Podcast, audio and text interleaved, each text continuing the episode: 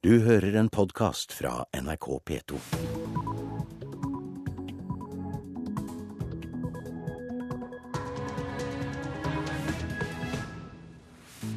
Klokka er 6.30 tirsdag 4. september. Øystein Heggen er programleder for Nyhetsmorgen. Dette er våre overskrifter.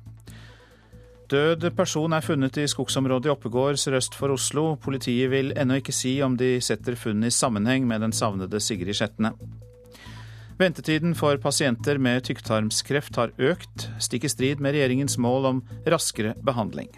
Ja, Det er jo spesielt uheldig at det faktisk går ned for denne gruppen. og Her er det klart at man må se på hvilke tiltak man kan gjøre for å korte ned på ventetida. Ole Alexander Oppdalsheim fra Kreftforeningen. Tidligere fastlege på Nordmøre blir gransket for rot og lovbrudd. Og lederen for Den internasjonale Røde Kors-komiteen er i Syria for å møte president Bashar al-Assad. Politiet bekrefter i natt at de har funnet et dødt menneske i et skogsområde i Oppegård utenfor Oslo. Den døde ble funnet av en politipatrulje i går kveld. Politiet vil ikke utelukke at den døde kan være savnede Sigrid Giskegjerde Skjetne, som har vært savnet i Oslo i en måned. Men politioverbetjent Rune Isaksen ved Follo politidistrikt sier de ennå ikke vet hvem den døde er. Vi vet ingenting om alder, vi vet ingenting om kjønn. Det vil bli foretatt obduksjon nå i morgentimene. Og vi håper det vil gi oss nærmere svar som vi kan jobbe videre med.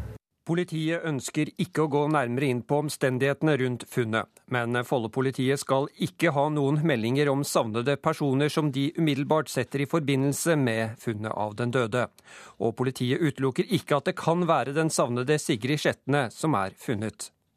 Nei, det er ingenting som utelukker. Vi vet ingenting om kjønn, vi vet ingenting om alder. Det eneste vi vet er at det er funnet et lik, og det skal vi undersøke nærmere da. Ifølge politiet ble funnet i skogen i Oppegård gjort i forbindelse med et annet oppdrag de var ute på. Den døde skal ha blitt funnet rundt 200 meter fra en skogsvei som ligger bak en døgnåpen bensinstasjon, og liket skal ha vært delvis tildekket. Politiet i Oslo er koblet inn i saken, men undersøkelsene på stedet utføres av lokalt politi.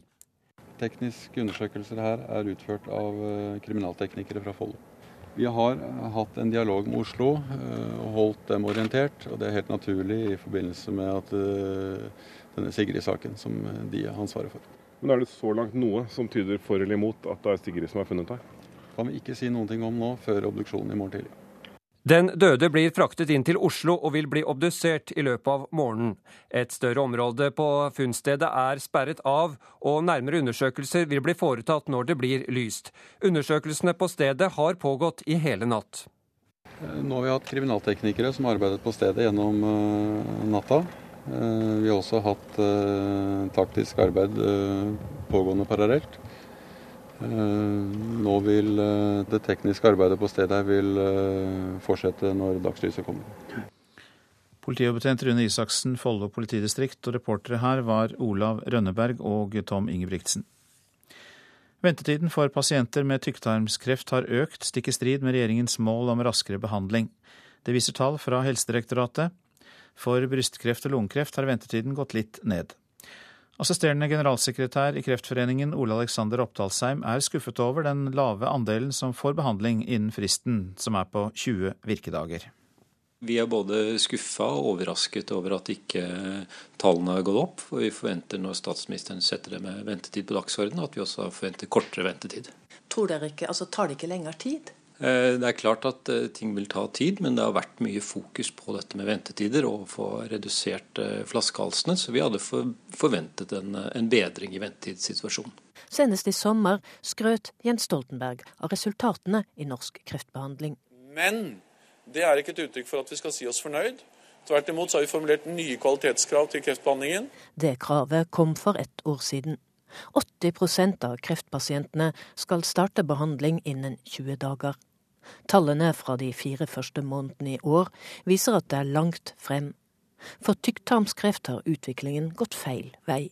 Vel 57% fikk behandling innen fristen, ett prosentpoeng færre enn på samme tid i fjor. Ja, Det er jo spesielt uheldig at det faktisk går ned for denne gruppen. og Her er det klart at man må se på hvilke tiltak man kan gjøre for å korte ned på ventetida. Hva mener dere må til for å få fortgang i dette, for å få ventetiden ned til regjeringens mål? Eh, jeg tror at det er behov for å sette inn økte ressurser innenfor eh, kreftområdet. Dette viser disse tallene. Jeg tror også det er viktig at man nå ser på steder hvor man får det til, av gode resultater, at man kan lære av de stedene. For lungekreft får vel 38% behandling innen fristen, og brystkreft nesten 66 Helseminister Anne Grete Strøm Eriksen peker på at det er store variasjoner mellom sykehusene. Altså jeg konstaterer at noen sykehus eh, klarer dette ganske bra og har god måloppnåelse innenfor noen områder. Og så er det andre som har et stykke igjen. Og jeg er opptatt av at de som ikke er kommet eh, nærmere målet, de eh, må lære av de som, som har bedre resultater. Og Da må vi finne ut hva er som er hindringene. Eh, hvor er flaskehalsene? Er det på undersøkelser, eller hvor ligger de? Kreftforeningen mener det trengs både mer satsing og mer penger. Får de det? Ja, altså Sykehusene har jo år for år fått mer penger. Og eh, det kan helt klart være både kompetanse og utstyr som kan være flaskehals. Og det var Katrin Hellesnes som hadde laget dette innslaget. Helsetilsynet gransker en lege på Nordmøre for grove feil i tjenesten. Over flere år skal legen ha slurvet med pasientbehandling, journalføring og refusjoner fra Nav. Selv om legen granskes, er han i arbeid et annet sted i Norge, bekrefter fylkeslege Christian Bjelke i Møre og Romsdal. Det startet med at vi fikk en bekymringsmelding som etter hvert gjorde at vi startet tilsynssak. Men så lenge denne ikke er avsluttet, så har hun fortsatt sin autorisasjon inntil den blir tatt fra henne. Ja, vet hennes nåværende arbeidsgiver eh, hva legen er under granskning for? Eh, jeg kan jo ikke svare for arbeidsgivere, men eh, vi har gitt de opplysninger til de som har bedt om referanser som vi skal, og det regner jeg med hennes gamle legekontor også har gitt. Helsetilsynet behandler nå en svært omfattende tilsynssak mot en tidligere lege i en nordmørskommune. Listen over saken mot legen er lang, og strekker seg fra feilbehandling av pasienter til mangelfull journalføring, mangelfull behandling av pasienter, ureglementerte hjemmebesøk, ureglementerte utskrivinger av medisiner og rot med refusjoner fra Nav. De, de, vi, har sett på, vi så på eh, flere pasientsaker, pluss at det var flere saker på Nav. Det er ganske mange saker som, eh, som var opplyst, og, og det var, var vel ni pasientsaker som vi opprinnelig gikk inn i. Legen har også tidligere vært gransket av Helsetilsynet for både dårlig oppfølging av pasienter, mangelfull journalføring og brudd på taushetsplikten. Nå skal Helsetilsynet avgjøre om legen skal miste autorisasjon. Hun har fått et eh, brev fra Statens helsetilsyn hvor hun skal svare på en del spørsmål, og videre vil bli avhengig av det. Så hun kan miste retten til å virke kan, som lege, lege i Norge? Hun kan miste retten, ja. Hva har legen selv forklart til dere? Hun har forsøkt å tilbakemelding og forklare en god del av disse sakene. Fylkeslege i Møre og Romsdal, Christian Bjelke. Reporter var Øyvind Johan Heggstad. Den syriske hæren har satt inn bulldosere for å jevne hus og butikker med jorden i deler av Damaskus-området, sier opposisjonen. Mandag ble flere hus i det fattige Tawahin-distriktet ødelagt av soldater som brukte bulldosere, ifølge aktivister og innbyggere. Samtidig tvang soldatene innbyggerne til å male over regimefiendtlig graffiti og i stedet skrive slagord som glorifiserer president Bashar al-Assad, hevder aktivister. Ja, vi vet jo at krigen i Syria skaper enorme lidelser for sivilbefolkningen, og lederen for Det internasjonale Røde Kors-komiteen, sveitseren Peter Mauer, gjør, nå, gjør nå et framstøt mot Syria. Han er i landet for å møte bl.a. president Bashar al-Assad. Og Leni Stenseth, utenlandssjef i Røde Kors Norge, god morgen til deg. Hva er det Maurer ønsker å oppnå? Røde Kors eh, når i dag fram humanitær hjelp til sivilbefolkninga i store deler av landet. Men situasjonen blir stadig vanskeligere, og det er store udekka humanitære behov. I tillegg er det en veldig krevende operasjon. Mange av eh, våre helsearbeidere har blitt drept de siste månedene. Og vi er opptatt av at syriske myndigheter og opposisjonsgruppene må legge til rette for at hjelpa kommer frem. Og det er hovedbudskapet som Maurer har med seg til Damaskus. Maurer er jo tidligere diplomat. Hvilke muligheter ser du for at han kan påvirke partene i konflikten til en fredelig løsning? Vi er opptatt av eh, det humanitære. Det at sivilbefolkninga, de som er såra og syke, skal få hjelp. Og Maurer har dialog med både myndighetene og opposisjonsgruppene. Han eh, understreker overfor disse at de har en plikt til å legge til rette for at hjelpa kommer fram. Det er hans hovedfokus. Hvordan er samarbeidet med syriske myndigheter og opposisjonen eh, for deres del, Røde Kors? Vi har hatt eh, en dialog med myndighetene og opposisjonsgruppene hele veien, og vi opplever at det gir resultater. Vi har fått stadig mer tilgang. Men samtidig, gitt at behovene er så store, så er det behov for enda mer tilgang, enda mer forståelse for de pliktene som partene i en sånn konflikt har. Det er veldig mange nå, barn, Eh, kvinner eh, og eldre som trenger hjelp. Behovene øker. Vi ser at det er mangel på medisiner, det er mangel på rent vann, og nesten én million mennesker er nå på flukt inne i Syria. Altså, Konflikten har jo økt i eh, omfang, men likevel så sier du at dere har også gradvis fått økt tilgang til sivilbefolkningen? Det har vi. Eh, vi har nådd fram til stadig flere områder. Vi har fått tilgang til flere grupper som har behov for hjelp. Men samtidig så ser vi at konflikten sprer seg. Eh, volden sprer seg. Og det er stadig flere som trenger den akutte medisinske hjelpa. Og så må vi huske på det at når konflikten varer så lenge, så ser vi at det er veldig mange av eh, de samfunnsoppgavene som ikke lenger fungerer. Sånn at folk får ikke lønn. Da kan de ikke kjøpe mat. Apotekene er tomme, de får ikke medisiner. Og mange av sykehusene fungerer ikke som de skal. Sånn at konflikten rammer nå stadig flere. Det er ikke bare voldshandlingene, men det den gjennomgående krevende situasjonen som veldig mange av de sivile nå opplever, som vi eh, forsøker å adressere i vår dialog med myndighetene og opposisjonsgruppene. Dere bistår jo sikkert eh, fra Norge også, men har Norge mm, konkrete prosjekter i eller utenfor Syria? Vi har en tett dialog med Syria og Røde Halvmåne om de behovene de har. Og så samarbeider vi også med Den internasjonale Røde Kors-komiteen. Vi har gitt flere ambulanser til Syria og Røde Halvmåne, og de har behov for flere. Så det er vårt fokus å være der i forhold til de behovene som de har. Vi har også bistått eh, Røde Kors-foreningene og Røde Halvmåne-foreningene i nabolandene, for vi må huske på at Svært mange syrere har også reist ut av landet, og de har også behov for hjelp. Så vi er til stede både i Libanon og i Jordan og i Tyrkia. Mange takk for at du kom, Leni Stenseth, utenlandssjef i Røde Kors Norge.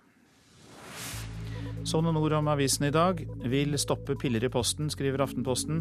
Regjeringen vil hindre at privatpersoner kan kjøpe reseptbelagte medisiner på internett. Mange av medisinene er skadelige forfalskninger. Raftostiftelsen rammes av sponsortørke, skriver Bergensavisen. Daglig leder Therese Jebsen tror lokalt næringsliv i Bergen ikke ønsker å bli forbundet med stiftelsens fokus på menneskerettigheter i Kina. Norge skal hjelpe forfulgte kristne, er oppslaget i Vårt Land. Utenriksminister Jonas Gahr Støre ber norske ambassader rapportere om brudd på trosfrihet. I dag reiser han til Egypt for å ta opp kopternes stilling i landet. Nå treffer krisen Norge, sier ledere i næringslivets hovedorganisasjon til Dagsavisen.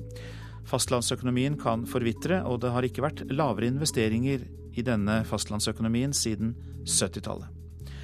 VG forteller deg om hvor mye din bolig øker i verdi, enorm prisvekst landet rundt.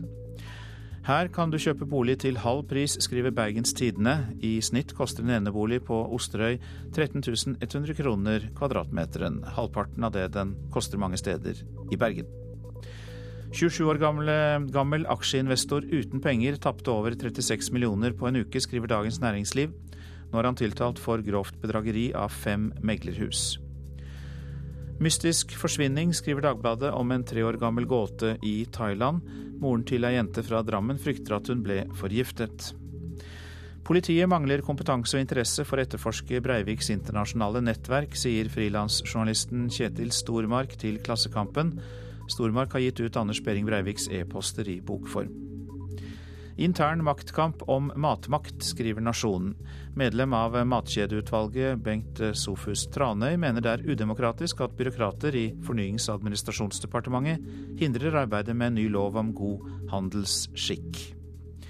Jenter er i flertall på de beste skolene i Rogaland, skriver Stavanger Aftenblad. I en klasse på Sandnes videregående skole er det 22 jenter og 8 gutter.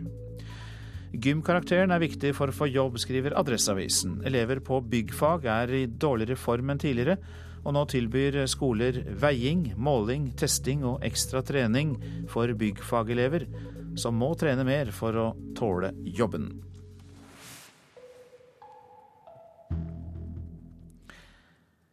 Det islandske fotballandslaget er bedre enn på lenge. Det mener landslagskeeper Haraldur Bjørnson, som tror Norge får det tøft i VM-kvalifiseringskampen fredag. For på papiret virker det islandske laget minst like sterkt som det norske. Tre poeng i hver kamp. Det er islendingenes optimistiske mål foran VM-kvalifiseringen. Sarpsborg 08-keeper Haraldur Bjørnson var på vei til Islands spillerhotell da NRK snakket med han i går kveld. Han mener man har et minst like godt lag på papiret som Norge. Yeah, it's, it's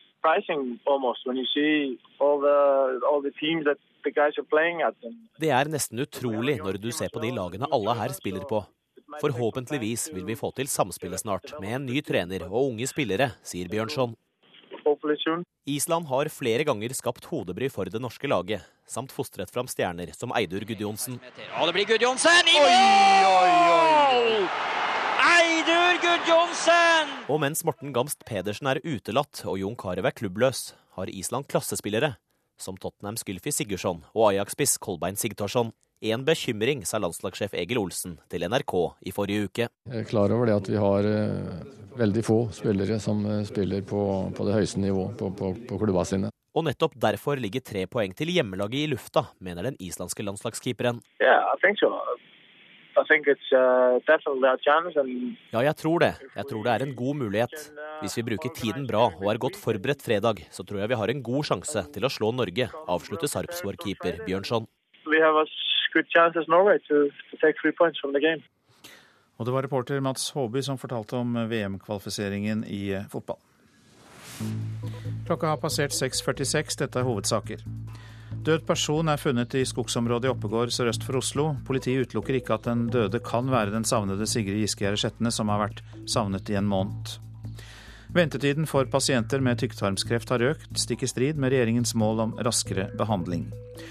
Og følg med videre, så kan du få høre om folkebevegelsen for å bevare salmesangen.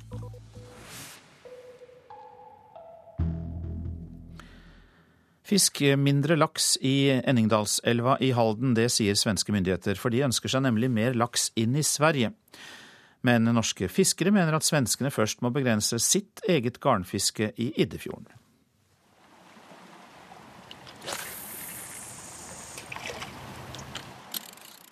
Laksefiske i Enningdalselva sør i Halden er populært blant mange sportsfiskere men svenske myndigheter mener at det fiskes for mye laks både i elva og i Iddefjorden, som elva renner ut i. Vassdragsekspert i Vestre Jøtalands len, Daniel Johansson, sier det er et klart ønske fra svensk hold at flere laks skal svømme videre opp i elva og inn i Sverige for å gyte der. Det hadde vært ønskvært om eh, flere lakser spares i elven. Eh, desto flere lakser som går opp i Enningdalselven, desto flere kan man forvente seg vandrer videre enda opp til den svenske delen av vannsystemet. I den norske delen av elva fanges nærmere 200 laks i sesongen. Og det er omtrent like mange som svømmer videre oppover i vassdraget i retning Sverige. Andelen som blir fanget i elva og i Iddefjorden er for stor, mener Johansson de her laxarna som fångas alltså, de utgör en mycket stor andel av eh, hela lekbeståndet. Det kan eh, absolut röra seg om 50 procent som fiskas bort. Han håper at norske fiskere i enda større grad vil praktisere catch and release, altså slippe ut mer av laksen de fanger. Og han ønsker seg også et maksimumsmål for hvilke lakser det skal være lov å ta opp, fordi de største laksene er viktige for å styrke laksestammen på svensk side. De største laksene er de eh, aller viktigste for eh, beståndets eh, overlevnad eftersom avkomman fra store lakser har mye større sjanse at, at vokse til seg og bli, bli voksne enn avkomman fra mindre lakser. Jim Arne Olsen er mannen som har fanget den største laksen i Enningdalselva i nyere tid.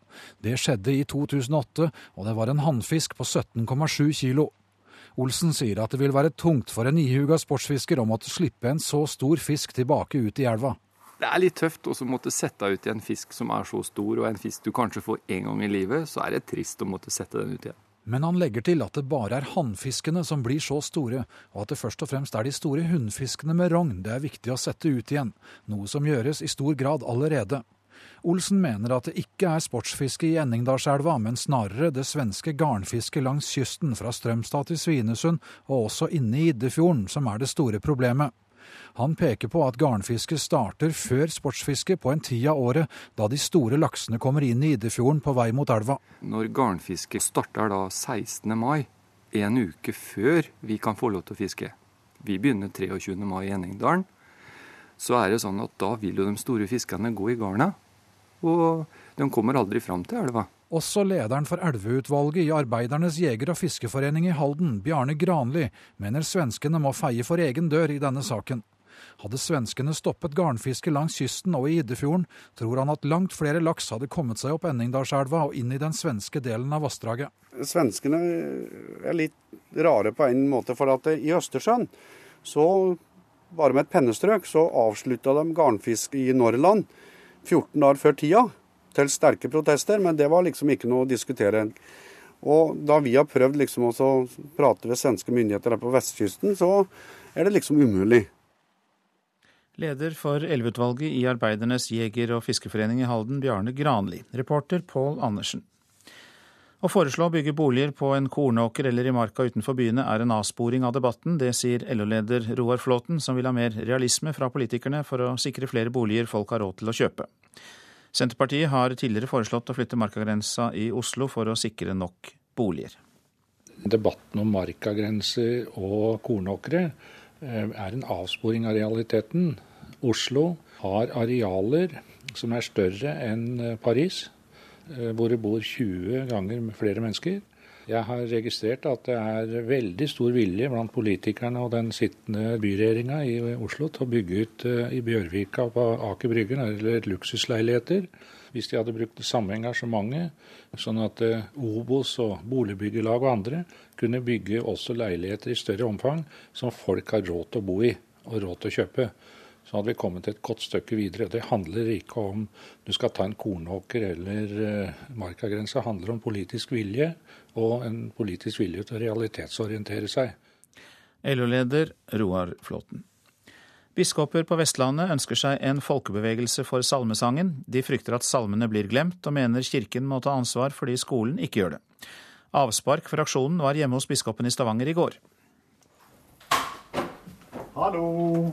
Stavanger-biskop Erling Pettersen åpnet det staselige hjemmet sitt for Anne Synnøve Eikil og andre sangglade mennesker i går kveld. Da gikk startskuddet for en aldri så liten folkebevegelse for salmesangens fremme. Kjempeflott. Salmer er jeg glad i. Det er veldig bra.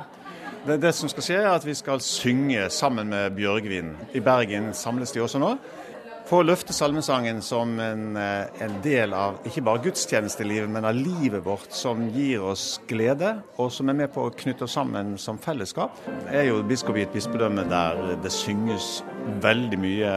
Men det er helt klart at vi trenger å fornye salmesangen, ikke bare for de nye generasjonene. Men også for mellomgenerasjonen, 30-40-åringene som ikke har fått det med seg fra skolen, sånn som vi gamle.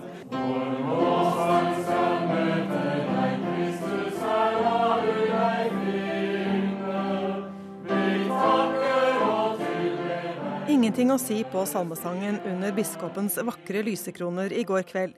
Men etter at kristendommen ble avløst av RLE-faget i skolen, har kirken en jobb å gjøre, mener biskopene i Stavanger og Bjørgvin. Nå håper de at flere inviterer til salmesang i stua, sier kulturrådgiver i kirken Ragnhild Halle. Tanken vår er at vi har lagt et lite verktøy som heter salmekveld.no.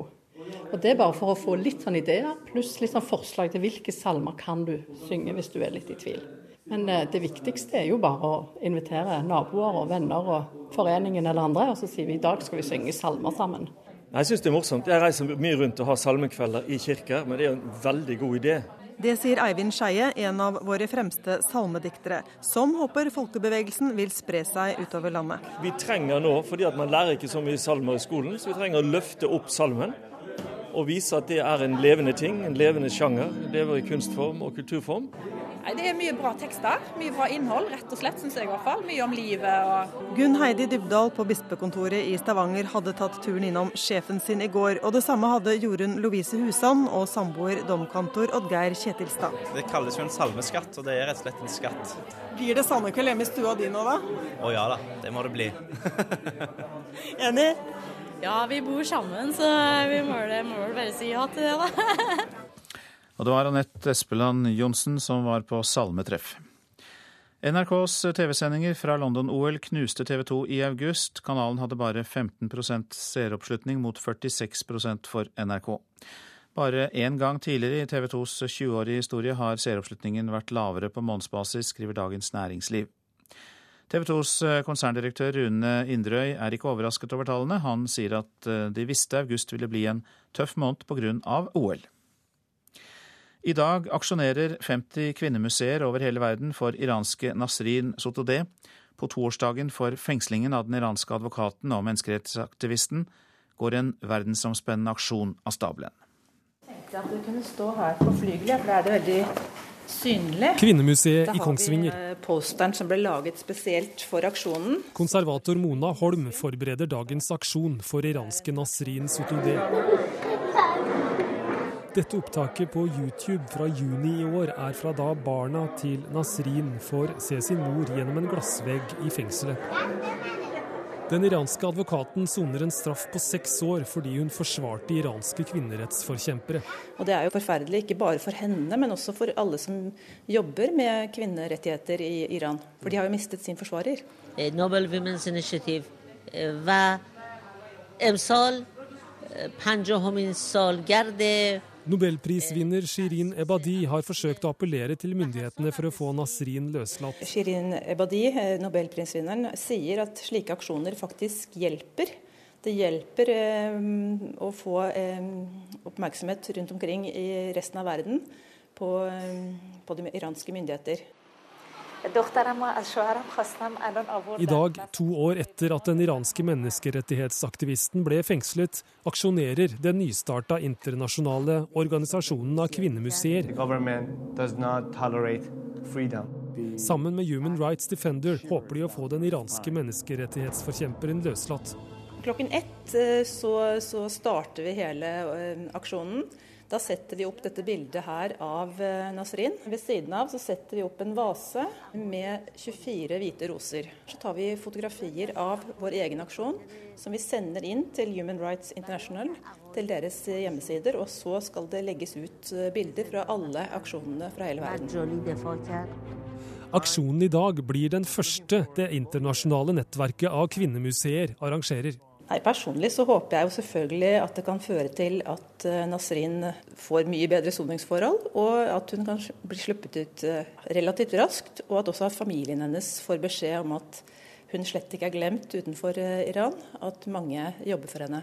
Nei, men det høres jo utrolig spennende ut, da. Ja, ikke sant? Ja. Og vi håper at det blir en del blest om det. Mm. Mona Holm fra Kvinnemuseet i Norge er nestleder i The International Association of Women's Museums. Hun håper aksjonen vil vekke oppsikt verden over. Hun har det ikke bra, og det er bekymringsfullt. Og Håpet er jo at hun skal få en kortere soningstid i fengselet, og kanskje slippe ut litt før. Konservator ved Kvinnemuseet Mona Holm-reporter Stein S. Eide. Sånn og nord om været. Fjellet i Sør-Norge øking til sørvest kuling. I kveld eh, vestlig liten storm utsatte steder i høyfjellet. Regn og regnbyger, men lite nedbør i øst. Østlandet og Telemark øking til sørvest liten kuling utsatte steder. Periodevis stiv kuling i ytre Oslofjord. Først på dagen litt spredt regn, seinere pent vær. Agder øking til sørvest liten kuling på kysten, litt spredt regn, hovedsakelig i vest. Fra i ettermiddag vestlig stiv kuling, etter hvert pent vær i Agder. Rogaland sørvest opp i liten kuling, i kveld stiv kuling og regnbyger. Hordaland sørvest opp i liten kuling, i ettermiddag øker det til sterk kuling, regnbyger og lokalt kan det komme mye nedbør i Hordaland.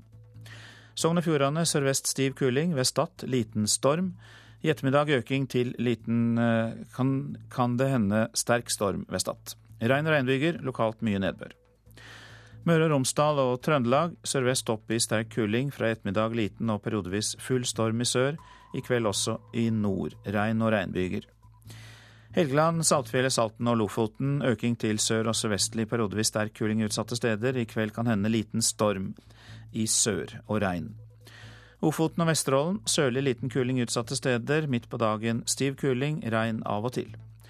Troms sørlig liten kuling utsatte steder. Midt på dagen stiv kuling. Regn av og til, først i vest. Og eh, i kveld fortsatt litt regn, ellers opphold og lettere skydekke i Troms. Vest-Finnmark med vidda, tilskyende. Fra i formiddag sørlig periodevis liten kuling utsatte steder, etter hvert regn. Øst-Finnmark sørlig periodevis liten kuling utsatte steder. Mye pent vær i Øst-Finnmark, men tilskyende etter hvert. I kveld sørlig kortvarig stiv kuling og regn. Nordensjøland på Spitsbergen litt regn av og til. Mot kvelden stort sett oppholdsvær. Du hører en podkast fra NRK P2.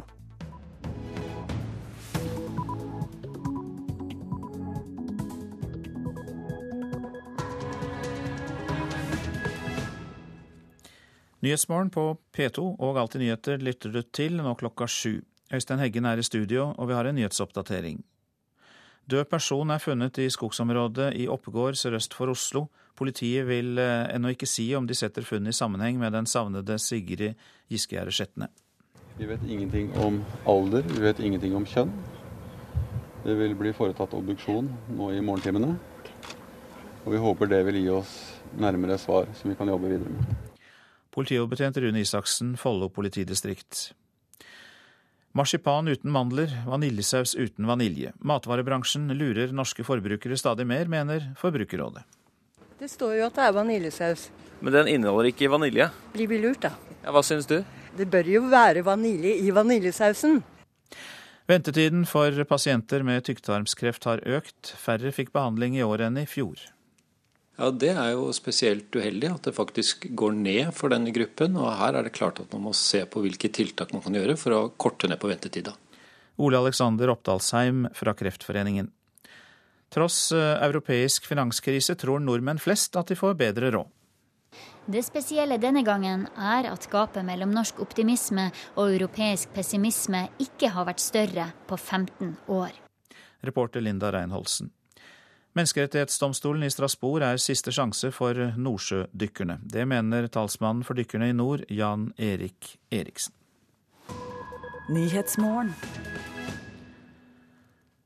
Politiet bekreftet i natt at de har funnet et dødt menneske i et skogsområde i Oppegård utenfor Oslo. Den døde ble funnet av en politipatrulje i går kveld. Politioverbetjent Rune Isaksen i Follo politidistrikt sier de foreløpig vet lite om funnet. Vi vet ingenting om alder, vi vet ingenting om kjønn. Det vil bli foretatt obduksjon nå i morgentimene. Og vi håper det vil gi oss nærmere svar som vi kan jobbe videre med. Hva kan du si om omstendigheter rundt funnet, og når funnet ble gjort? Funnet ble gjort eh, ca. klokken 21, sånn som det er eh, meddelt i pressemeldinger tidligere. Vi har hatt en dialog med Oslo eh, og holdt dem orientert. og Det er helt naturlig i forbindelse med at eh, denne Sigrid-saken som de har ansvaret for. Politioverbetjent Rune Isaksen i Follo politidistrikt til reporter Olav Rønneberg. Reporter Øsker Tufan, du er i Oppegård kommune sørøst for Oslo, der den døde altså ble funnet i går kveld. og Hvordan ser det ut på åstedet der? Akkurat her så har politiet sperret av et større område ved skogsholtet der eh, dette liket da ble funnet. Eh, når jeg da så inn mot eh, skogen i stad, så var det satt opp forskjellige politisperringer, så det var vanskelig å se hvor eksakt liket ble funnet. Men dette er jo et populært skiområde, til tross for at det er et til tross for at det er villaer og et industriområde da i nærheten. Krimteknikerne tok ut eh, da liket som ble funnet sånn ca. kvart eh, på fire i går, eh, eller natt til i dag. Og krimteknikere skal, etter det vi har fått opplyst, komme nå i morgentimene, nå som det da har begynt å bli lyst. Så her på stedet er det veldig få politipatruljer akkurat nå, men området er sperret av. Som vi hørte da Rune Isaksen si i, i forkant her, det er, eh, Politiet utelukker ikke at eh, det, det liket kan være den eh, savnede Sigrid Skjetne, men de har ennå ikke bekreftet om det verken er en mann eller kvinne, så vi veit ennå ikke kjønn. Så det, akkurat på dette tidspunktet her så er det veldig lite informasjon har å, de har å komme med. Men det er da slik, Øsker Tufan, at eh, det pågår en obduksjon. I hvert fall så var det det som eh, har vært planen, så vidt vi vet. Ja, Obduksjonen av eh, dette liket her skal skje i morgentimene. Så da får vi vite da utover dagen om dette da, hvem denne personen da er, eller om det er en mann eller kvinne og alder. Mange takk skal du ha, reporter Røsker Tufan, som altså da er på dette funnstedet i Oppegård kommune. Mange matprodusenter lurer norske forbrukere. Ja, det mener Forbrukerrådet, fordi mange matvarer får navn eller bilder på pakningene som ikke stemmer med innholdet. Marsipan uten madler, kjøttprodukter med lite kjøtt og vaniljesaus uten vanilje er blant produktene som får kritikk. Når du ser på denne pakken her, hva tror du den inneholder? Vaniljesaus? Det står jo at det er vaniljesaus. Men den inneholder ikke vanilje. Blir vi lurt, da? Ja, Hva syns du? Det bør jo være vanilje i vaniljesausen. Så dette er jo helt gærent. Ja, det bør jo være vanilje, da. Det står jo vaniljesaus. Den inneholder sikkert alt annet enn vanilje. Jeg tipper noe e-er. Sausen er ett av mange produkter som nå har blitt gransket av Forbrukerrådet. Direktør Randi Flesland mener produsentene lurer folk mer nå enn før. De sier at dette er, det er 100% ekte, det er naturelt. Og så er det faktisk ikke det. Det er ikke rent kjøtt, det er ikke rent fisk. F.eks. kalkun naturell filet. Det er litt over halvparten kalkun, og resten er høne og andre tilsetningsstoffer. Så det å få navnet og ingredienslisten til å passe sammen, det er en liten utfordring. Og på den måten så lures vi forbrukere. Steinar Høie er fagsjef i organisasjonen NHO Mat og Drikke, som representerer mange matvareprodusenter med varer i norske butikkhyller. Han mener det er å gå for langt å si at bransjen lurer folk. Det er tilgjengelig informasjon alltid på pakningen som eh, kan gi forbrukeren eh, ytterligere opplysninger om hva produktet inneholder. Men er ikke hovedpoenget for den jevne forbruker og det, akkurat det som står på denne store lappen foran på produktet, at det er det som faktisk eh, man har tid til å, å lese? Jo, men det du også kan si, sammenlignet også med en masse andre produkter som, eh, som forbrukeren eh, kjøper og, og, bruker i sin hverdag, så er masse av dette her ganske sammensatte og kompliserte produkter. og for å kunne ta et informert valg, så man også, må man også være litt aktivt på jakt etter informasjon om produktene. Posen med vaniljesaus uten vanilje er det selskapet Craft Foods som selger i Norge. Informasjonssjef Christian Wielen er heller ikke enig i at de lurer forbrukerne. Det, jeg tror det kommer an på hva, hvordan man formulerer det eh, og legger det fram. Eh, vi har aldri hevda at det er ekte vanilje i, i, sausen, og det er heller ingenting på forpakningen som indikerer det. Men det du får når du lager sausen, det er jo en veldig god vaniljesaus.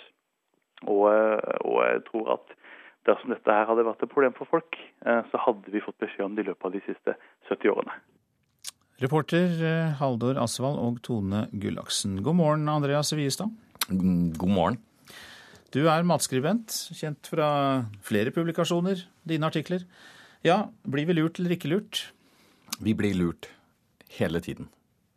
Og eh, Forbrukerrådet mener at eh, matvarene ikke er hva de gir seg ut for å være. Mener du det da er på høy tid at dette kommer fram? Det er det. Altså, noe av dette har vi visst om eh, lenge. Men jeg må si at jeg lå oppe og leste rapporten fra Forbrukerrådet i natt. og det er jo sånn eh, Man blir en blanding av eh, kvalm og livredd. Jo, men likevel så kan man vel også tenke seg at kunstige tilsetninger til matvarene kan ha en gunstig virkning, altså at de holder lenger og smaker litt bedre, og så er det ikke nødvendigvis slik at de er farlige? Nei, jeg er ikke sikker på om disse stoffene er farlige i seg selv, men det er et større problem det at man hele tiden kjøper ting som er noe annet enn det man tror det er. Altså, Jeg syns det er en fin ting at man bruker hønekjøtt, men hvis du kjøper kalkunfilet og får høne, så er det et problem fordi du har kjøpt en vare og fått en annen. Eh, og det har skjedd en utglidning i Norge som kanskje er spesielt ille i Norge. Eh, Mattilsynet er de som skal passe på oss når det gjelder dette. Eh, og politikerne skal igjen passe på Mattilsynet. Mattilsynet har ikke gjort noen ting i forhold til dette. Og dermed får du en sånn situasjon Eh, hvor eh, når disse matvareprodusentene blir tatt med buksa nede, så blir de ikke engang flaue. Du hørte han derre NHO-sjefen i innslaget. En skikkelig lurendreier som da bare sier ja, men det er bare sånn det er. Og så sier han også ja, det er, det er, jo bare å regne med når det er kompliserte, sammensatte produkter. Vel, et produkt er grovbrød. Det er, er i utgangspunktet vann, mel, gjær. Eh, eh, så det er ikke så veldig komplisert, med mindre du gjør det mer komplisert gjennom eh, industrialisering av det. Men når det da er 10 grov, grovt mel i det, så er det ikke lenger grovbrød. Når det er 30% lammekjøtt i en lammepølse, så er det ikke lammepølse. Nå er jo ikke han til stede og kunne svare for seg, han som ble intervjuet i dette innslaget. Men vi må vel understreke at det de gjør er jo ikke ulovlig da, etter norsk lovverk.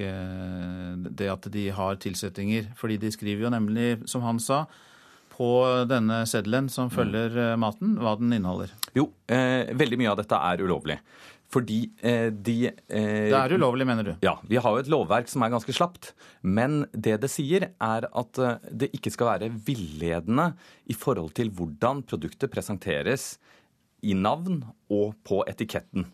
Eh, sånn at hvis du sier at dette produktet er laget av, av en spesiell ting, altså at du f.eks. ser Traneberg Eh, og blåbær utenpå en juskartong. Hvis, eh, hvis, du da må snu kartongen når du kommer hjem, og så oppdager du at det er 4% eller 2% av dette, eller når eh, man kjøper eh, syvkornsbagetter eh, i butikken, og så er det hvete, hvete, hvete, hvete, hvete, og så 1% av alle de syv kornene, da har du blitt lurt. Og det er ikke lov. Du sa at dette er blitt verre, og at Norge er verre enn andre land. Hva må vi gjøre da?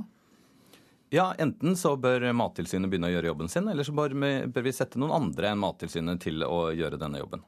Takk for at du kom. Tankevekkende, Andreas Wiestad, matskribent. Et stort flertall av oss har bedre privatøkonomi nå enn for ett år siden, og de fleste her i landet tror vi får enda mer å rutte med neste år, viser forventningsbarometeret fra Finansnæringens Fellesorganisasjon. Det er lurt. Vi har tapt så mye på, på aksjemarked og andre ting, så vi har alt i bank. Det vi har igjen. Du sparer i bank? Ja, det gjør jeg. Mm. Sparer du mer nå enn du gjør før? Ja, mer. Absolutt. Har ingen sjanser. Så jeg håper at, eh, at det er det riktige valget. I hvert fall tror jeg det for oss. Absolutt. Det er klart det er det. Man skal jo forsøke å finansiere noen slags boliglån. boliglån om kort tid her også, så det er jo alltid lurt å ha noen penger på kontoet. Jeg har uh, jobbet veldig aktivt for å betale ned mest mulig av mine lån. Svarene på gata i Oslo bekrefter funnet i det siste forventningsbarometeret. Nordmenn sparer nå mer enn før. De aller fleste av oss har fått mer penger å rutte med det siste året. Vi har sterk lønnsvekst, billigere strøm, lav rente og stor aktivitet i byggebransjen og i oljenæringa. Og nordmenn flest tror de får enda bedre råd i året som kommer. Også svenske Henrik Grubstrøm som bor her i landet. Eh, ja, Eftersom jeg har vært student fram til nå, så håper jeg at det blir veldig mye bedre. Men jeg har presis begynt en nytt jobb, så det skal bli spennende å se. Men når folk blir spurt om hva de tror om landets økonomi, tror et lite flertall at det kommer til å gå nedover. Marte Eeg Henriksen er blant dem.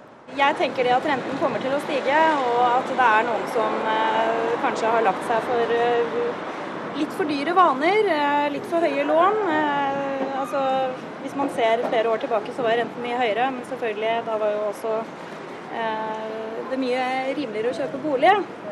Så, men at det kommer til å fortsette sånn som det er nå, nei, tror ikke det. Forbrukernes forventninger måles fordi de gir en pekepinn på hva som faktisk skjer i økonomien framover. Det spesielle denne gangen er at gapet mellom norsk optimisme og europeisk pessimisme ikke har vært større på 15 år. Derfor er Finansnæringens Fellesorganisasjon glad for at folk flest nå sparer. Sa reporter Linda Reinholdsen. Ida Kreutzer, administrerende direktør i Finansnæringens Fellesorganisasjon, god morgen til deg. Ja, god morgen. Ja, Er vi for optimistiske? Nei, det ser ikke sånn ut. Eh, det ser ut som eh, denne undersøkelsen viser den underliggende realiteten. Eh, det har vært en lønnsvekst i Norge. Vi har lav arbeidsledighet. Renten er lav, og folk har opplevd at de har mer penger å rutte med. Det er den motsatte situasjonen enn det man opplever i Europa for tiden. Så jeg tror ikke dette reflekterer en optimisme eller en uvørenhet fra norske forbrukeres side.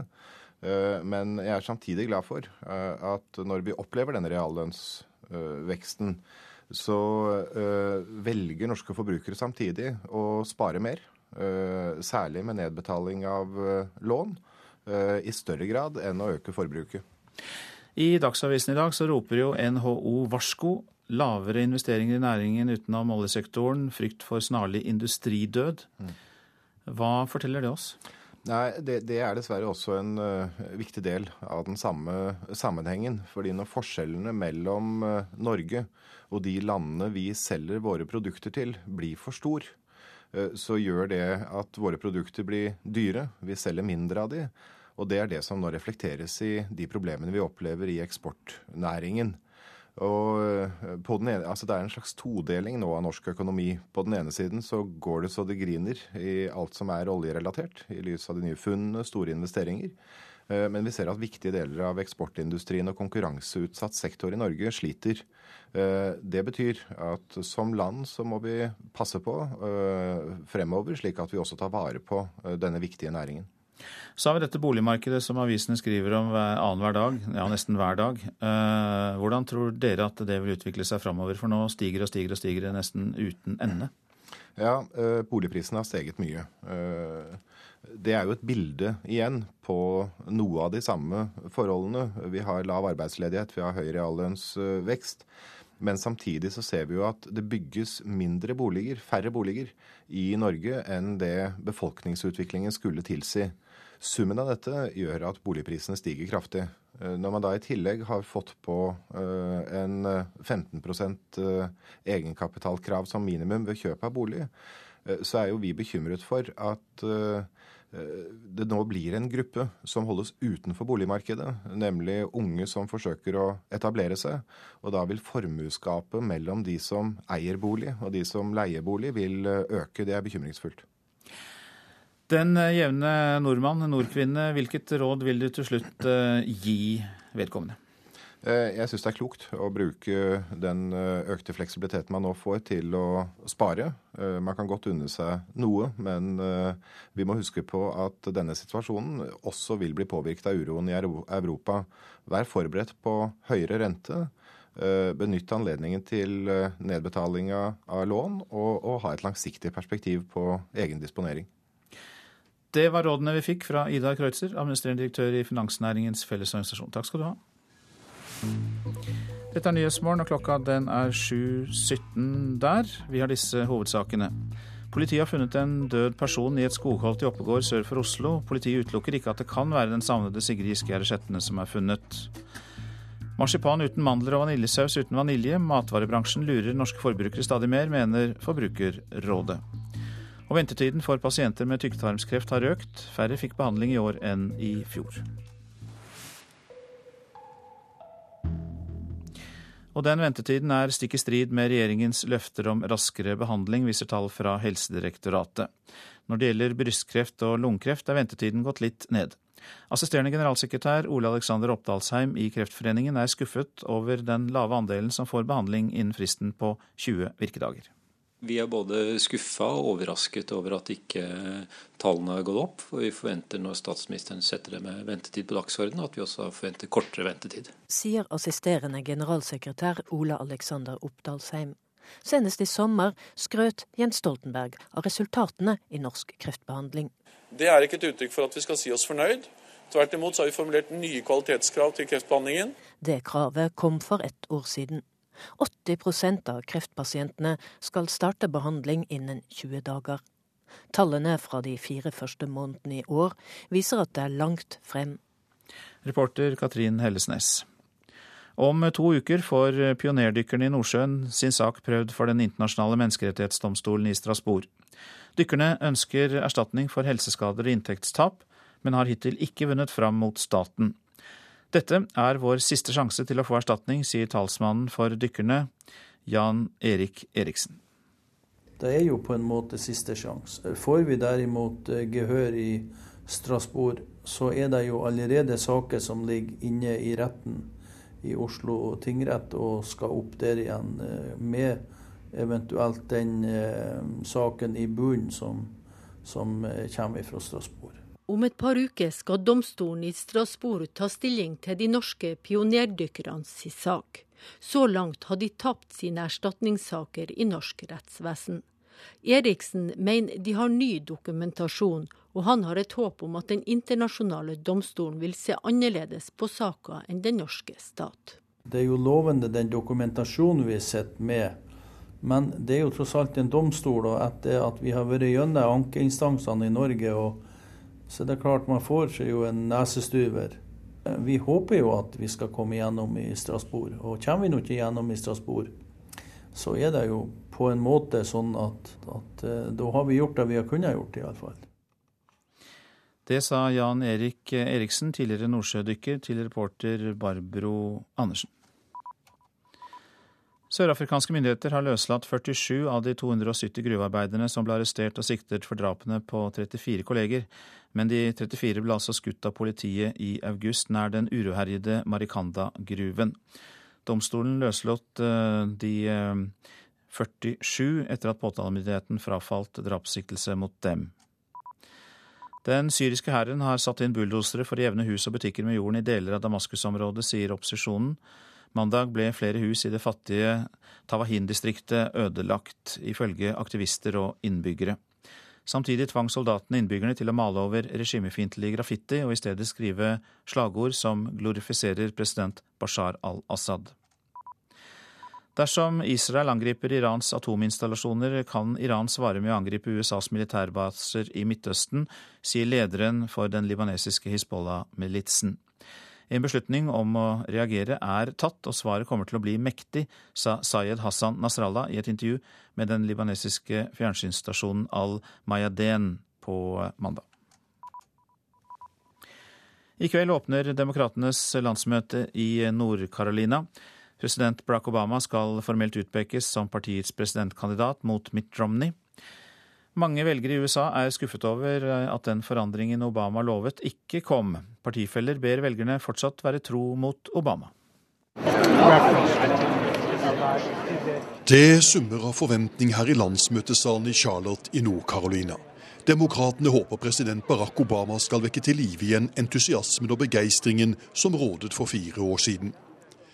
Den sorte pensjonisten Roman Thomas er svoren Obama-tilhenger. Hun er på plass for å gi ham sin støtte. For henne handler det først og fremst om det sosiale sikkerhetsnettet og helsereformen. Vi må to for god health vi må need det our social security. And we need to keep Og going. And this president has been very supportive of that. And I, I do believe that this can, he can translate this into a reality. Many voters are disappointed about Obama. What do you tell them? I tell them to have faith, to have hope, to have courage, and to be strong in terms of their fundamental belief that he can overcome. Pensjonisten Roman Thomas ber altså velgerne beholde troen på Obama. Hennes partifelle delstatssenator Steve Sweeney fra New Jersey mener Obama er den eneste rette til å lede USA. Han påpeker at Obama har avsluttet én krig og reddet amerikansk bilindustri. You know, the President of the United States ended a war.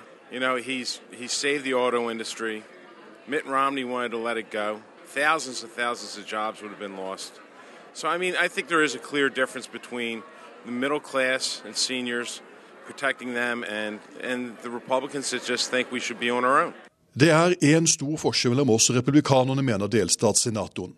Middelklassen og pensjonister vil bli tatt hånd om av oss, mens republikanerne vil la dem klare seg selv, påstår demokraten Steve Sweeney. I kveld åpnes landsmøtet offisielt, og da får Obama drahjelp av sin aller nærmeste støttespiller, kona Michelle Obama. Førstedamen skal både oppildne partifellene og samtidig forsøke å skaffe nye velgere til ektemannen. Først torsdag kveld skal Barack Obama selv i ilden og forklare velgerne hvorfor han er verd å beholde som USAs president. Jon Gelius, Charlotte, Nord-Carolina. Så til de norske avisene vil stoppe piller i posten, skriver Aftenposten. Regjeringen vil hindre at privatpersoner kan kjøpe reseptbelagte medisiner på internett. Mange av medisinene er skadelige forfalskninger. Raftostiftelsen rammes av sponsortørke, skriver Bergensavisen. Daglig leder Therese Jepsen tror lokalt næringsliv i Bergen ikke ønsker å bli forbundet med stiftelsens fokus på menneskerettigheter i Kina. Norge skal hjelpe forfulgte kristne, er oppslaget i Vårt Land. Utenriksminister Jonas Gahr Støre ber norske ambassader rapportere om brudd på trosfrihet.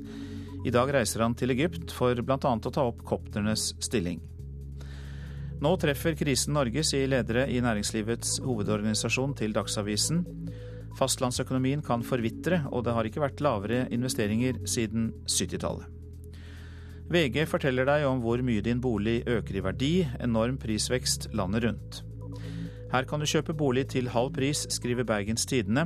I snitt koster en enebolig på Osterøy 13 000 kroner per kvadratmeter. Halvparten av hva den koster mange steder i Bergen.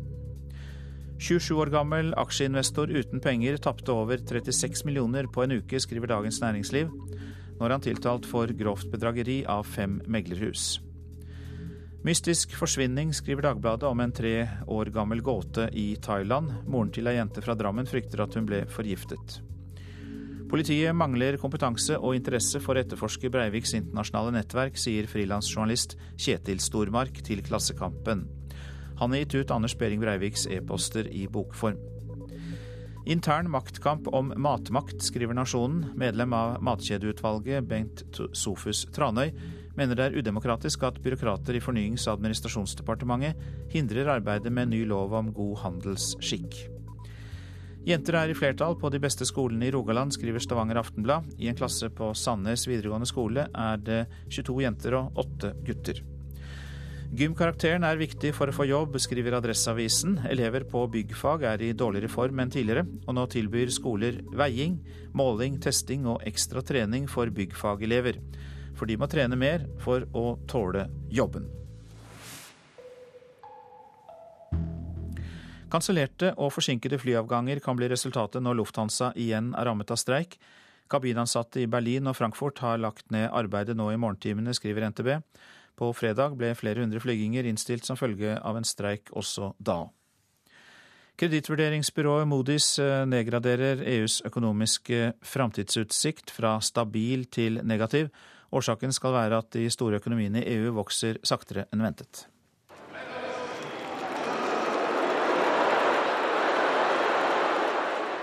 Slik reagerte publikum da Storbritannias finansminister George Osborne ankom Paralympics i går.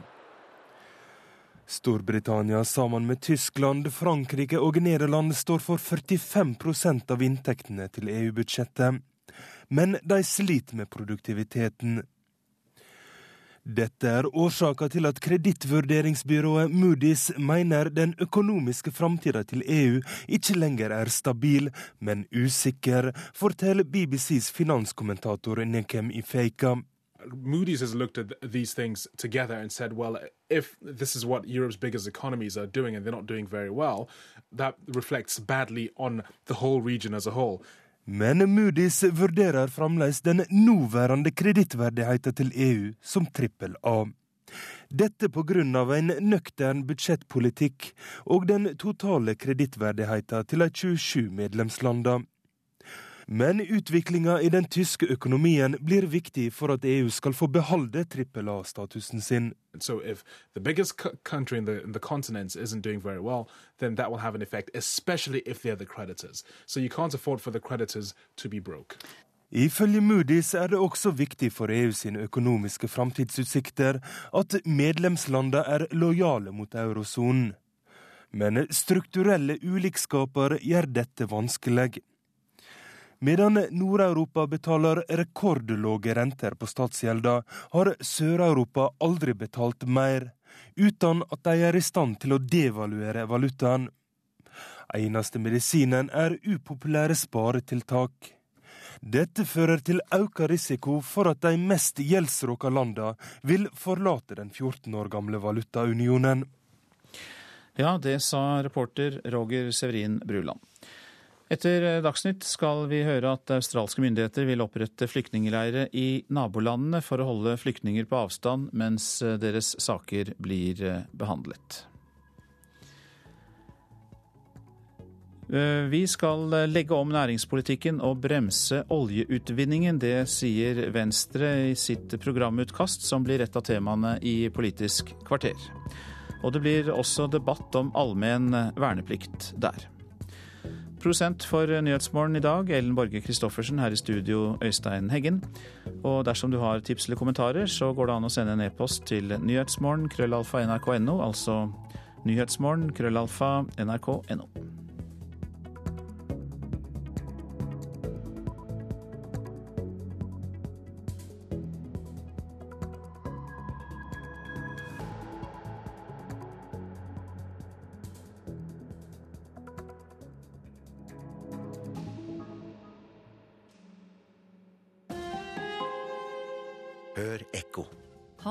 var en av dem som pleier å suse forbi deg. Han satt timevis på sykkelen hver uke, før jobb, etter hver eneste dag.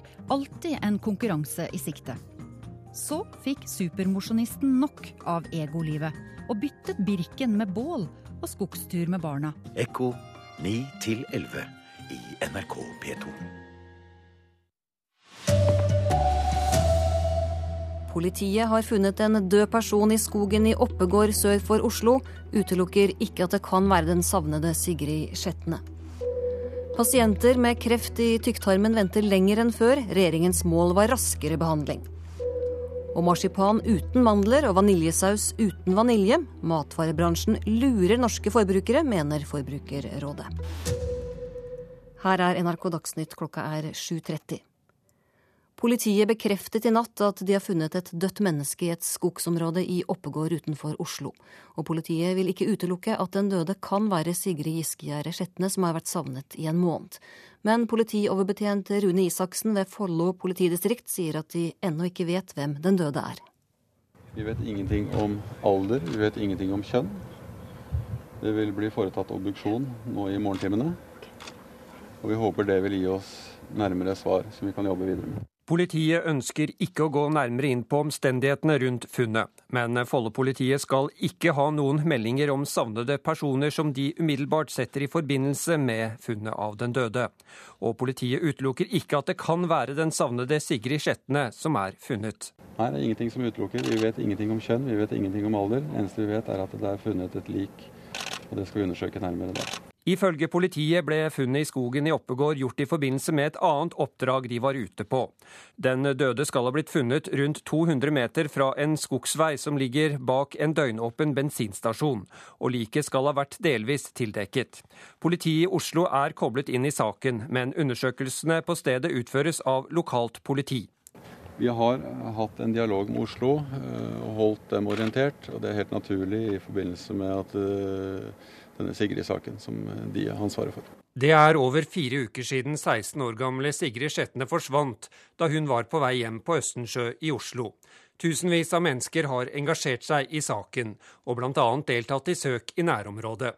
Funnet i går kveld er gjort i et område som ligger bare en drøy mil lenger sør. Reportere var Olav Rønneberg og Tom Ingebrigtsen. Og reporter Øsker Tufan, du er i Oppegård sørøst for Oslo, der den døde ble funnet i går kveld. Hvordan ser det ut på stedet der nå? Vel, Politiet har sperret av store deler av skogsholtet der den døde ble funnet. Vi kommer ikke inn, men det, går an å se inn. Og det er flere sperringer på rad og rekke innover i skogen. Dette er jo et populært skiområde, så det er en sti som er ganske sperret. Som politiet nevnte, det er ikke veldig mye nytt som har kommet frem etter i natt. Det er uvisst om dette er en kvinne eller om det er en mann, og alder er også uvisst på dette tidspunktet. Det eneste vi veit, er at bli at den døde skal bli obdusert nå på morgenen. Og da får vi da et svar på, om, på kjønn og på alder. Og det er jo også varslet en pressekonferanse i Oslo politidistrikt klokken ni. Og da får vi vite da om, litt mer om denne saken. Men hva gjør politiet på stedet akkurat nå? Akkurat nå er det veldig lite som skjer fra politiets side. Det er krimteknikere som skal være på vei på så fort det begynner å bli litt lysere. Så, så det er ikke så, ikke så veldig mye som skjer her på stedet nå. Takk til deg, reporter Øsker Tufan. Ventetiden for pasienter med tykktarmskreft har økt, stikk i strid med regjeringens mål om raskere behandling. Dette viser tall fra Helsedirektoratet. For brystkreft og lungekreft har ventetiden gått litt ned. Kreftforeningen er skuffet over at ikke flere får behandling innen fristen på 20 dager. Vi er både skuffa og overrasket over at ikke tallene har gått opp. For vi forventer når statsministeren setter det med ventetid på dagsordenen, at vi også forventer kortere ventetid. Sier assisterende generalsekretær Ola Alexander Oppdalsheim. Senest i sommer skrøt Jens Stoltenberg av resultatene i norsk kreftbehandling. Det er ikke et uttrykk for at vi skal si oss fornøyd. Tvert imot så har vi formulert nye kvalitetskrav til kreftbehandlingen. Det kravet kom for ett år siden. 80% av kreftpasientene skal starte behandling innen 20 dager. Tallene fra de fire første månedene i år viser at det er langt frem. For tykktarmskreft har utviklingen gått feil vei. Vel 57% fikk behandling innen fristen, ett prosentpoeng færre enn på samme tid i fjor. Det er jo spesielt uheldig at det faktisk går ned for denne gruppen. og Her er det klart at man må se på hvilke tiltak man kan gjøre for å korte ned på ventetida. For lungekreft får vel 38% behandling innen fristen, og brystkreft nesten 66% Helseminister Anne Grete Strøm Eriksen peker på at det er store variasjoner mellom sykehusene. De som ikke er kommet eh, nærmere målet, de eh, må lære av de som, som har bedre resultater. Reporter her var Katrin Hellesnes. Mange matprodusenter lurer norske forbrukere til å kjøpe varene deres. Det mener Forbrukerrådet, som hevder at mange av matvarene i butikkhyllene får navn eller bilder på pakken som ikke stemmer med innholdet. Marsipan uten mandler, vaniljesaus uten vanilje er blant produktene som får kritikk.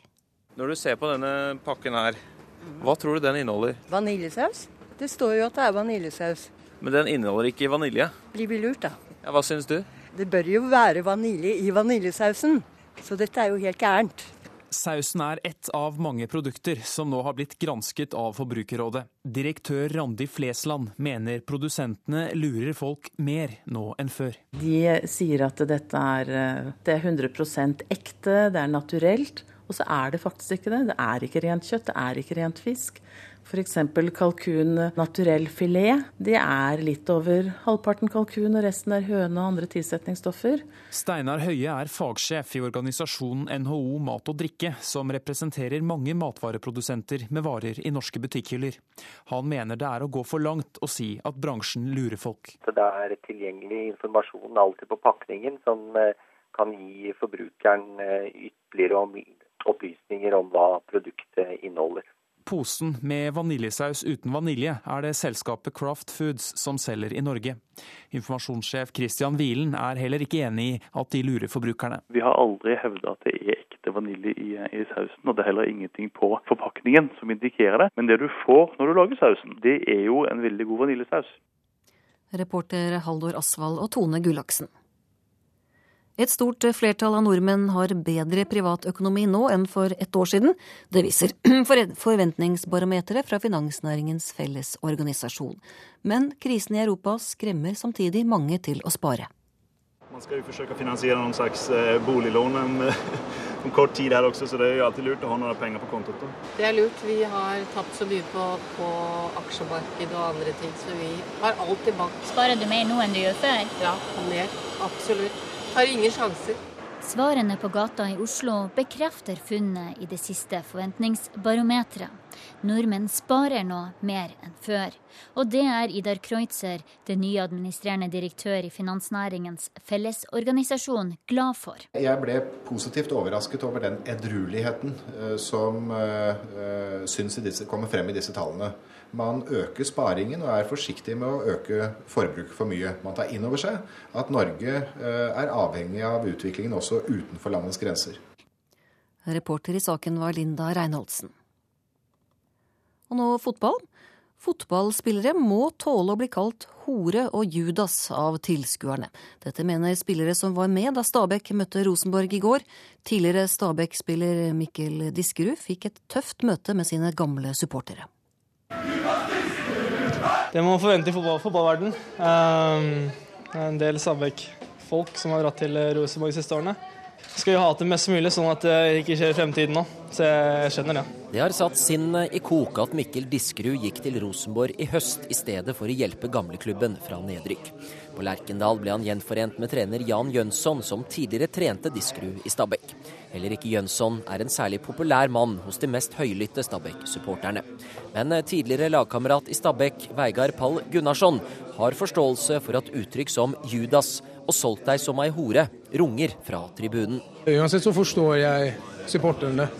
Uh, og det han ble kalt, det er liksom det er det er liksom eh, midt i den tenningen eh, på, en, midt en, eh, på, på, en, fotballkamp. Det er noe profesjonelle fotballspillere bare må tåle. Det er en del av hverdagen. Ja, det er det. Ellers, ellers går, det, går, det, dårlig hver eneste bortekamp. Reporter her var Christian Nilsen. Hovedsak i sendingen var at politiet har funnet en død person i skogen i Oppegård sør for Oslo, og politiet utelukker ikke at det kan være den savnede Sigrid Skjetne.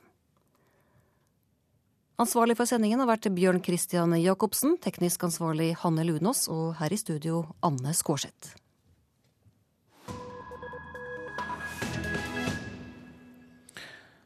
Australias flyktningepolitikk blir heftig diskutert. Her i Nyhetsmorgen skal vi høre at australske myndigheter vil opprette flyktningleirer i nabolandene for å holde flyktningene på avstand mens sakene blir behandlet. Før helgen ble en fiskebåt med 150 flyktninger om bord meldt savnet, og mediedekningen av leteaksjonen har ført til økt fokus på forholdene for mennesker på flukt.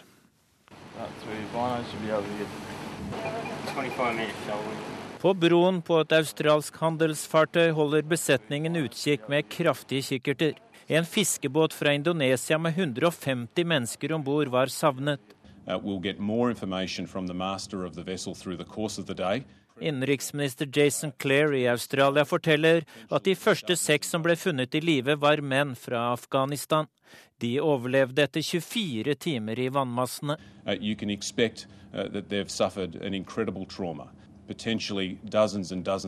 haven't.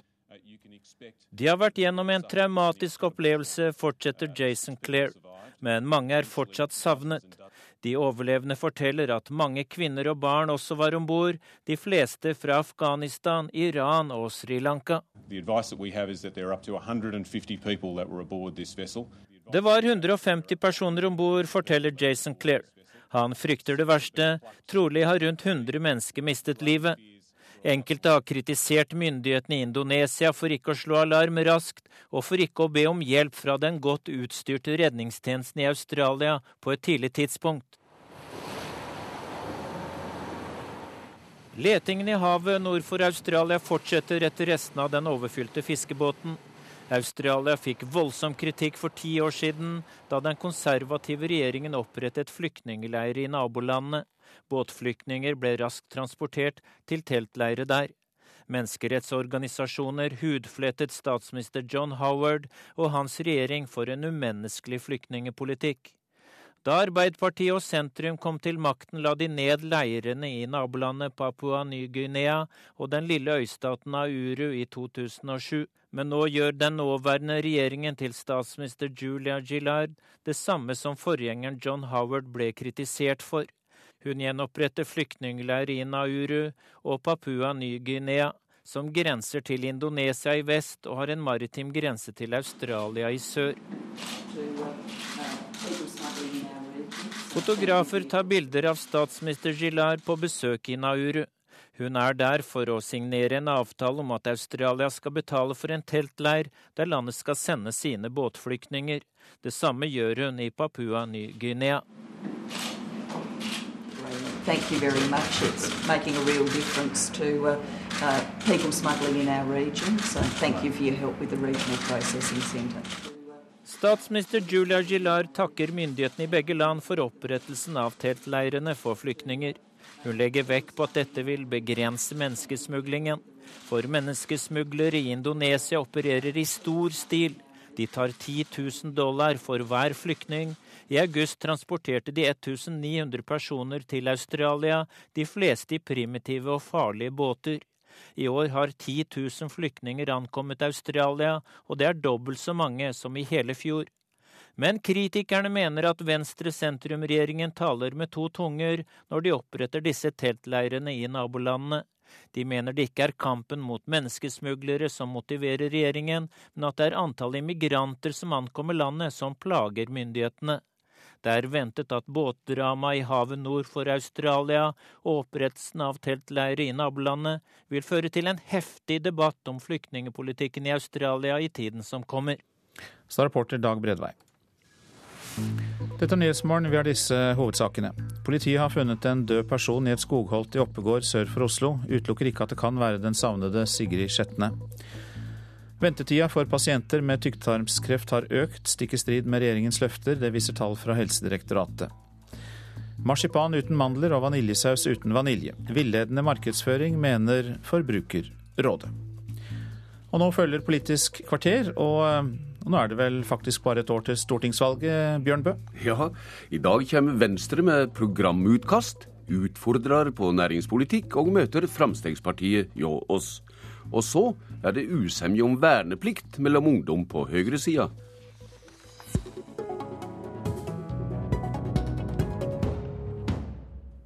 De politiske partiene er i full gang med programarbeid framfor det store slaget om regjeringsmakta ved valget om et drygt år. I dag er det Venstres tur til å komme med sitt første programutkast for å lokke velgere. Guri Melby, du er sentralstyremedlem og leier programarbeidet. Nå vil det like godt legge om hele den norske næringspolitikken og strupe oljenæringa, så vidt jeg kan lese. Hvordan skal det gjøre det? Eh, det som er viktig for Venstre, det er at vi får en næringspolitikk som eh, både er mer fremtidsretta økonomisk sett, men som også i veldig mye større grad enn i dag tar klimahensyn. Eh, og For det første så handler det om at virkemiddelapparatet og de støtteordningene vi har, i større grad må rettes inn mot nyskapende næringer, og i mindre grad mot eksisterende næringer, fordi at de også ofte dessverre da er klimafiendtlige. Og for det andre så handler det om at det verken er økonomisk eller klimamessig bærekraftig å lene oss så mye på oljeinntekter som det vi gjør i dag. Mm. Vi har jo egentlig en klimapolitikk og en oljepolitikk som står i direkte motstrid til hverandre. Og vi vet jo at hvis vi skal nå de ambisiøse klimamålene vi har, så kan ikke vi utvinne alt vi finner av olje- og gassressurser. Eh, og det er også en sektor som tar opp veldig mye av den arbeidskrafta vi trenger i andre næringer. Eh, så det som er viktig for Venstre, det er å skape alternativer eh, for oljeindustrien og bygge ei ny og litt mer framtidsretta næringspolitikk. Men er det mer å strupe på oljenæringa når en alt betaler 78% i skatt for utvinninga? For meg så er det ikke noen målsetting å strupe oljenæringa, men jeg vil bygge opp det som er alternativene til oljen, og det som, det som står i konkurranseforholdet til oljen. Det vil ha det de kaller en næringsnøytral omlegging både av skatter og av tilskudd. Det tyder gjerne at statens overføringer til landbruket også står for fall, da? Eh, vi har ikke gått inn og sagt at vi skal kutte helt spesifikke ordninger. Vi har sagt at vi må opprettholde eh, veldig mye av støtteordningene til landbruket, men det må dreies sånn at det også tar hensyn til klima og miljø i veldig mye større grad enn det gjør i dag. Eh, og så må vi satse på de virkemidlene som alle næringer nyter godt av, f.eks. satsing på forskning og utvikling. Mm. Eh, mindre skatt på arbeid, mer skatt på miljøfiendtlig arbeid i stedet. Mm. Eh, Dette er jo noe som alle deler av næringslivet, vil dra nytte av, også de tradisjonelle næringene. Her er et varsel om skattelette. Hvor i det politiske landskapet har du von om å skaffe vener til gjennomslag for en slik politikk? Venstre har jo lang tradisjon med å samarbeide med de borgerlige partiene om næringspolitikk. og Jeg tror nå at vi skal klare å bli enige om veldig mange deler av eh, både vår satsing på forskning, på utdanning og på utvikling, og også på skattepolitikken. Så, men det er klart at det er partienes størrelse som avgjør hva vi får gjennomslag for. Og for å få til det her, så er vi avhengig av å gjøre et godt valg. Ja, nå skal vi høre nestleder i næringskomiteen i Stortinget, Harald Tom Nesvik fra Fremskrittspartiet. Næringsnøytralitet er gjerne et ord som klinger godt for deg? Ja da, og det er veldig mye bra i det. Og eh, mye av det som er sagt her, er helt åpenbart ting som Fremskrittspartiet kommer til å kunne være enige om. Eh, særlig på det som har med bruk av, av skatt- og avgiftsintensive, bl.a. Eh, videre så har jo Fremskrittspartiet og Venstre samarbeid veldig godt knytta til eh, små og mellomstore bedrifter, rammevilkår der, og det er veldig viktig. Men det er klart det at når det gjelder det som har med, med olje- og gassvirksomheten, mm. som faktisk er det som driver norsk økonomi, så tror jeg nok at man, man er litt litt på galt spor. Eh, fordi det er jo nettopp eh, olje- og gassvirksomheten som er den største driveren vår knytta til forskning og utvikling. Eh, Norge er det landet som har den, den sikreste og reneste produksjonen knytta til oljevirksomhet. Vi har strenge krav, og det skal vi fortsatt ha. Men vi er helt avhengig av å opprettholde tempoet på norsk sokkel, faktisk øke det ytterligere. Og det er knytta til at hvis ikke så er det andre områder som kommer til å være mer interessant, og Norge vil tape og sakke akter. Lofoten og Vesterålen står for fall straks straks det får makt til det går ut ifra, så skal det kanskje leite helt fram til Nordpolen, det også? Ja, altså Det som er viktig, er at vi er realistiske i det som vi holder på med. Og det er klart det at eh, vi må få lov til å, kunne sjekke ut de områdene der faktisk disse ressursene mm. ligger. For det har med å, å, skape ytterligere vekst for Norge, og det er også med å, å drive ytterligere næringsvirksomheten fremover. Men bare én ting, programleder, det er knytta til landbruket. Fordi at det Venstre ser ut til å glemme fordi at Her sier man at nei, der skal man opprettholde støttenivået, ja, det er forbrukerfiendtlig, det som man gjør der. Og jeg forventer i hvert fall at Venstre, som et relativt liberalt parti, vil åpne opp for å redusere tollmurene, slik at norske forbrukere kan få bedre tilgang til produkt, også fra Afrika, for å avhjelpe mm. situasjonen der, bl.a. En appell til det liberale der, Melby, men det er kanskje ikke Fremskrittspartiet det skal tevle om velgere med når det gjelder oljepolitikk og landbrukspolitikk? Nei, det er jo åpenbart ut ifra det som representanten fra Frp sier her, at vi er totalt uenige i hele virkelighetsforståelsen. Eh, når han beskriver det at, så, at oljeindustrien er driveren i økonomien mm. vår, så mener jeg at det er et problem. Det er jo sånn vi ikke kan ha det. Eh, og eh, vi har jo forplikta oss på internasjonale avtaler som sier at vi skal eh, prøve å bremse eh, klimaendringene sånn at det ikke blir mer enn to graders oppvarming. Og så vet vi det at hvis vi tar opp alt som vi har funnet nå av olje og gass, så bryter vi det målet. Og er det virkelig riktig at Norge, som allerede har kjent seg så rik på olje og gass, skal være dem som skviser ut de siste dråpene? Det syns ikke jeg. Eh, hvis vi bare gjør et lite tankeeksperiment. Hvis vi tenker oss at alle biler f.eks. hadde gått på elektrisitet, så ville det blitt mindre etterspørsel etter olje. Eh, og det er faktisk mulig at sånne scenarioer mm. skjer. Eh, og da mener jo jeg at det er riktig at Norge må være dem som leverer de produktene som vi da trenger. Eh, og ikke bare være bakpå eh, og vente til verden slutter å bruke olje. Nesvik, i hva grad kan Venstre bare glemme gjennomslag for sin tilnærming til olje- og næringspolitikk dersom Fremskrittspartiet får makt etter valget om et år? Nå tror jeg at vi skal overlate det til de forhandlingene som skal skje eh, rundt valgtid. Det skal ikke jeg blande meg inn i her, men det er helt åpenbart at vi har en forskjellig virkelighetsoppfattelse der. fordi at Fremskrittspartiet mener nettopp at det er de teknologiske utfordringene må du finne en løsning på. Det vil si du må bruke skatteinsentivordninger og forskningsmidler midler til å få på plass de teknologiske eh, nyvinningene. Ja, Det sier Venstre også ja, ja til. Problemet er bare det at de sier også samtidig at vi skal strupe norsk olje- og gassnæring. Det er akkurat det motsatte vi trenger. Det er der vi har en stor vekst langs kysten. Vi har virkelig behov for disse arbeidsplassene. Vi har behov for ytterligere utvikling. fordi at det er faktisk eh, Norge er avhengig av inntektene våre som følge av de velferdsordningene vi har bevilga oss. Mm. Og da må vi jo ha, ha store inntekter til landet, og det har vi behov for. Velferden, Melby? Ja, vi har jo ikke sagt at vi skal strupe oljenæringa. Vi har sagt at over tid så må tempoet reduseres. Eh, og eh, Eh, og skattlegginga økes kanskje? Ja, men jeg syns jo den debatten her viser veldig godt at ei borgerlig regjering kan være to ganske forskjellige ting. Eh, og et stort Venstre vil gi oss ei borgerlig regjering som er opptatt av klima, opptatt av miljøet, også opptatt av et næringsliv som vi kan leve av ikke bare om fem år eller ti år eller 20 år, men om 40-50 år. For det er de grepene vi gjør i neste stortingsperiode som danner grunnlaget for det vi skal leve av om veldig mange år. Og Det viktigste grepet vi gjør der knytta til næringsnøytralitet, er faktisk å avskaffe formuesskatten, slik at man faktisk kan få, og det er vi helt enige om. få, få bevilga mer penger. Vi må redusere skjemaveldet og den innrapporteringshysteriet som finnes overfor myndighetene. Nettopp for å gjøre det bedre for næringslivet. Det er der vi må sette inn støtet. Allmenn skattelette og mer skatt på forbruk, Nesvik, det er kanskje også noe som klinger godt hos deg? Det som er viktig, er å legge om skattesystemet systemet slik at eh, vi får eh, vekst i næringslivet, mindre til skjema, mindre til byråkrati, og mer til eh, gründervirksomhet, slik at de kan skaffe arbeidsplasser og økt sysselsetting. Ja, Da er vi helt åpenbart enige om veldig mange viktige deler av næringspolitikken. Det med forenkling har stått sentralt for Venstre i mange mange år. Eh, og som jeg snakka om innledningsvis, så er det jo den generelle skatte- og avgiftspolitikken som virkelig avgjør. Og vi har jo også programfesta at vi må redusere og over tid kutte formuesskatten, fordi at det hindrer investeringer og eierskap i norske bedrifter. Så jeg tror vi kan få til mye. Og Sist gang Venstre satt der, så innførte man utbyttebeskatning, og man reduserte ikke formuesbeskatninga. Så der ser man man trenger nye koster for å, å, få fart i økonomien. Når du har fått i oppdrag å leie programarbeid i Venstre Melby, så har du kanskje fått i oppdrag å se på om det er mulig å regjere sammen med Fremskrittspartiet rett og slett også, da?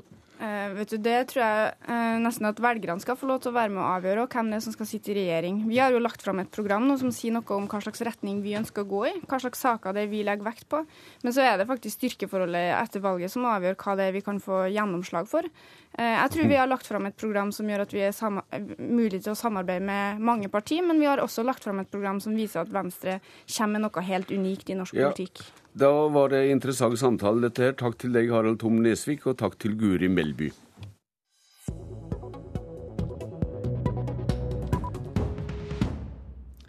I går tikka det inn en melding om at lederen i Fremskrittspartiets Ungdom vil avskaffe den allmenne verneplikta. Kanskje overraskende fra et svært så forsvarsvennlig parti, men nå er du her, Himanshu Gulati, og kan forklare hvorfor du mener verneplikta både er urettferdig og utdatert. Ja, Vi ønsker å fjerne den obligatoriske førstegangstjenesten, eller heller gjøre den frivillig. Vi mener rett og slett det er både unødvendig og feil at vi tvinger folk til tjeneste når Forsvarets behov for soldater er under en tredjedel av det årlige guttekullet og under en sjettedel av det årlige jente- og guttekullet. Da synes vi det er bedre at vi satser på et profesjonelt, vervebasert um, yrkesherr med fokus på kompetanse og på å verve motiverte unge jenter og gutter istedenfor å la tilfeldighetene avgjøre hvem som uh, kommer inn. Men det er brei politisk semje om verneplikta, og i forsvarssjefens siste fagmilitære råd heter det bl.a. at verneplikten er et viktig fundament for Forsvarets videre utvikling av nettopp det innsatsforsvaret du snakka om. Gjør ikke det inntrykk? Det vi ser, det er jo at I Europa er det vel kun nå seks eller sju av 50 land som har beholdt eh, verneplikten. Også våre sterkeste allierte, USA, Storbritannia, har avskaffet den. Vårt naboland Sverige har avskaffet den, også med gode erfaringer. Og en annen ting er at Fremskrittspartiet er veldig sterke tilhengere av et sterkt forsvar. Det er noe vi prioriterer.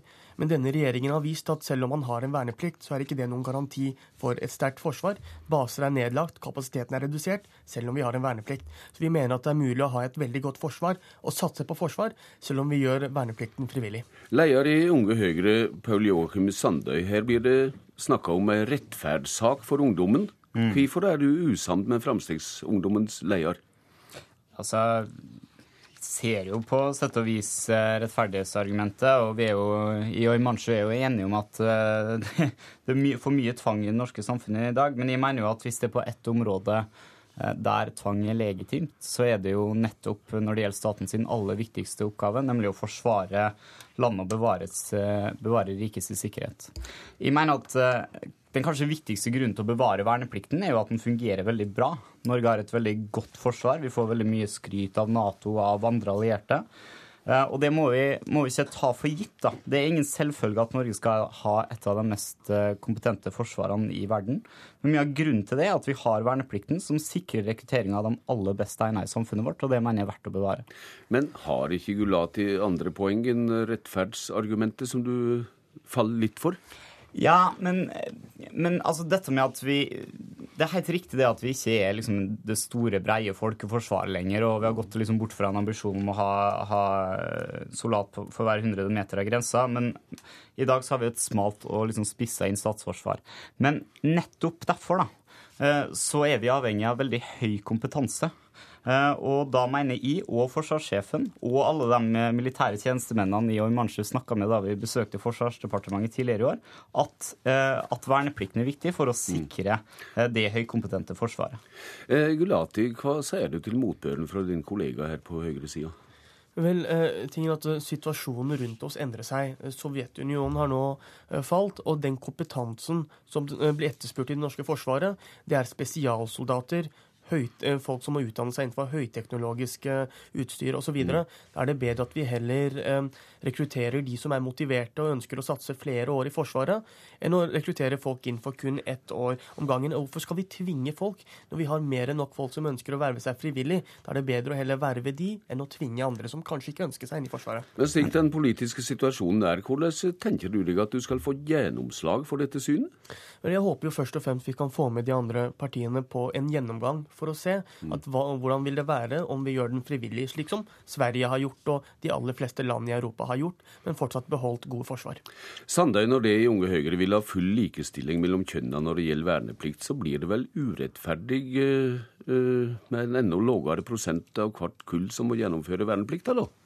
Nei, men altså, det her er jo egentlig hele poenget. At av et kull på 60 000, så tar man ut eh, ca. 8000 som fullfører førstegangstjeneste. Da har man sikra seg de aller mest motiverte, de aller beste, ut ifra Forsvarets egne, egne vurderinger. Eh, men jeg mener jo nettopp at hvis man skal se på rettferdigheten bak dagens vernepliktsordning, så er jo det mest urettferdige at det bare gjelder gutter. Det er ganske utdatert i et likestillingsperspektiv at det er liksom gutter som skal ta børsa på ryggen og ut og, ut og forsvare landet. Eh, men for det andre så vil jo Forsvaret dette sjøl, for hvis man utvider verneplikten til å gjelde begge kjønn, så sikrer man seg de absolutt beste og mest kompetente menneskene. Ja, det blir mye å stri med for deg, Gulati, hører du? Ja, men vi ser jo allerede i dag at førstegangstjenesten er pulverisert, og da ønsker vi heller et mer profesjonelt eh, forsvar. Takk til dykk. Paul Joakim Sandøy, leder i Unge Høyre, og Himanshu Gulati, leder i Fremskrittspartiets Ungdom. Politisk kvarter er slutt. Jeg heter Bjørn Bø. Du har hørt en podkast fra NRK P2.